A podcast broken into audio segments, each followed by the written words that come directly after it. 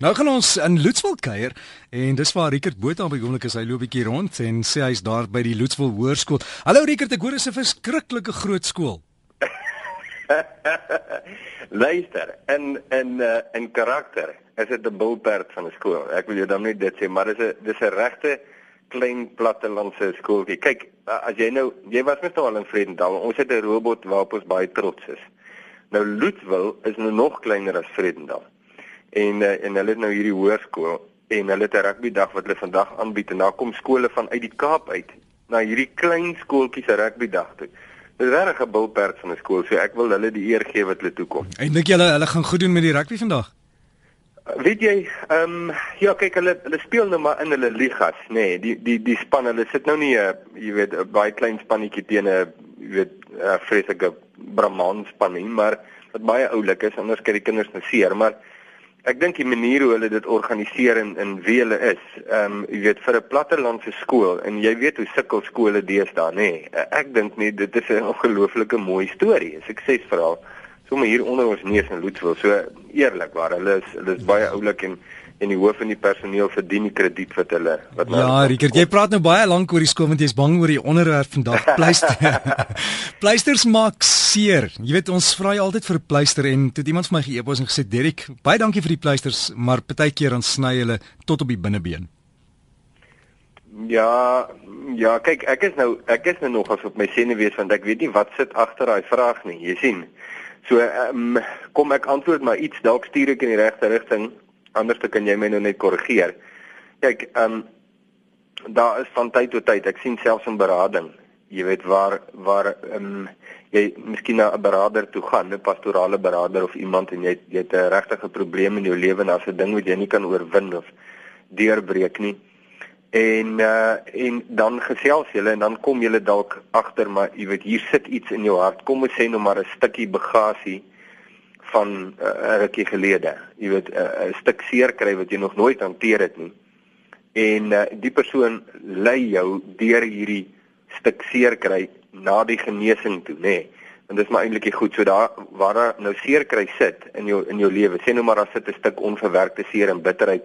Daar waar hy sit, daar hou hy jou hy hou jou onvolwasse en hy hou jou rou, nê, nee, vir jare. Jy weet tyd genees jou definitief nie net Jesus kan jou genees, maar uh, so hy bly daar. Nou vir baie keer uh, is daai pleister vir baie mense. Ek ek praat nou uit my eie persoonlike ondervinding, nê, van my eie hart en lewe. Is daai pleister 'n seer een? Jy weet om, om daai seer miskien te konfronteer weer en deur daai bagasie nou te gaan sodat ek hom kan uit my lewe uitkry, nie net toegooi met 'n doek nie aan die ander kant kan uitkom is is baie keer baie seer want ek moet dinge konfronteer in in gesig staar en erken en so aan en so aan en so aan wat ek eintlik liefs wil ignoreer. En uh maar as jy nou deur daai pyn gaan, daai seer van daai pleister dan wag daar vir jou aan die ander kant geweldige genesing en herstel. Jy sien dit wat ou eintlik eintlik so vreeslik soek en begeer maar jy moet deur daai proses gaan. Jy kan hom nie jy kan hom nie dodge nie. Jy weet dis 'n lekker woord.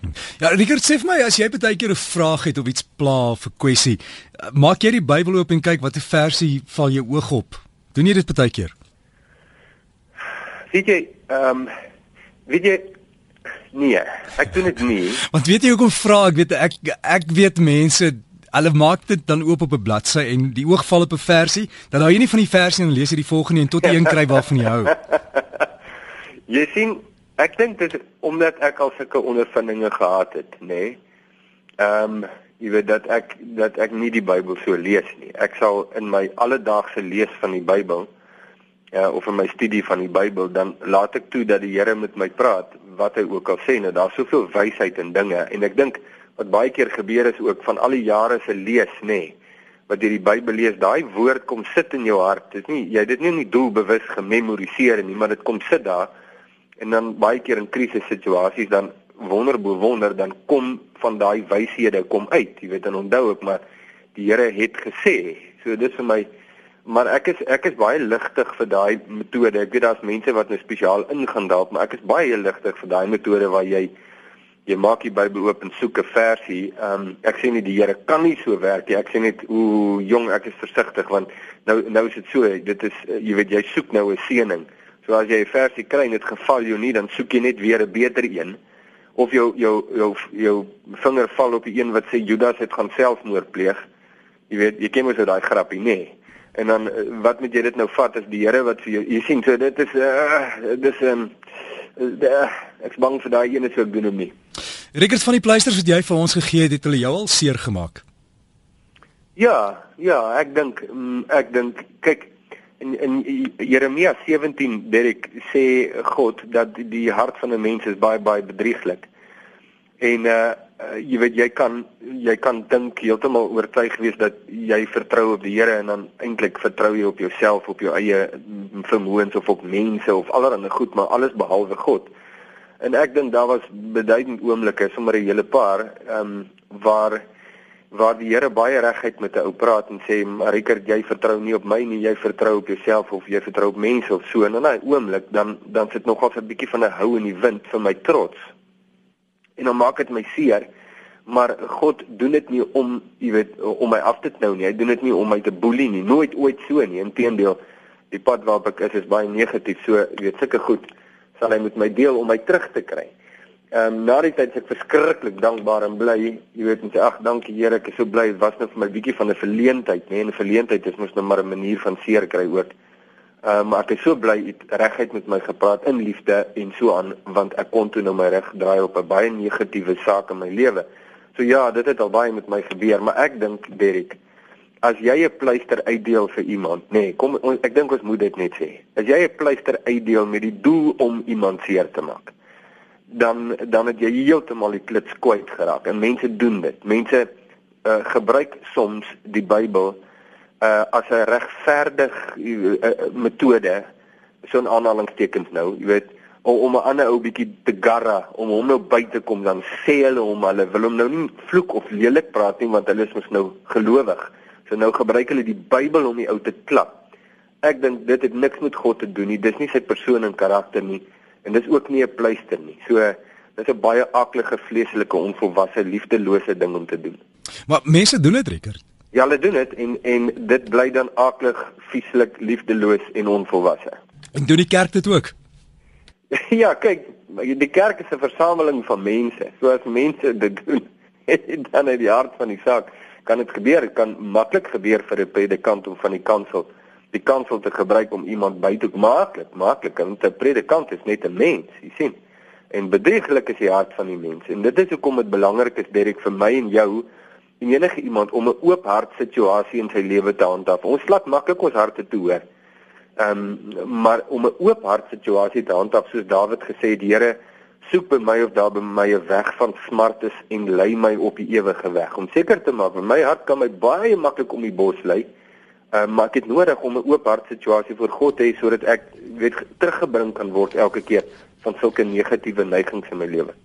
Regtig maar alles wat ons nou oor praat is is relatief negatief. Is daar darem 'n positiewe kant aan pleisters? Is daar positiewe pleisters wat my sal ja, kyk, sal lig? Kyk, Derek, ja, natuurlik. Joeg, ek dink nou onmiddellik toe jy dit sê, toe dink ek aan 'n uh, 'n beroemde gedeelte, uh, Jesaja 61 wat wat praat van die bediening van die Christus en dan sê dit hierdie woorde, dis legendariese woorde. Jy weet seker gevleueldes. Dit sê en hy sal gee nou die ou Afrikaans in die Afrikaanse vertaling het dit gesê hy sal gee sieraad vir as vreugde olie vir treurigheid en 'n gewaad van lof vir 'n verslae gees. Ja, dit is my seker. Wow, jy weet, uh, dis die dis die vrug van Jesus se bediening. Nou jy moet net onthou wanneer God pleisters plak, sê nou maar dat en en, en daai weg van pleisters plak en genesing lei deur kom ons noem dit nou maar 'n dal van doodskade, wie in die sin dat ek nou weet goeters moet weer in die oë kyk van my verlede en wat ek eintlik wil vergeet en ignoreer en maak of dit nie daar is nie en toegooi en bære en so aan. En dit maak my seer. Daai proses maak my seer want die verleentheid, die woede en die seer en die alleenheid en al daai goed kom nou weer terug na my toe. sien? Maar wanneer ek dan met die Here deur daai seer stap, dan kom ek uit by die daai legendariese woorde: Sieraad vir as, vreugde olie vir treurigheid, gewaad van lof vir verslag gees.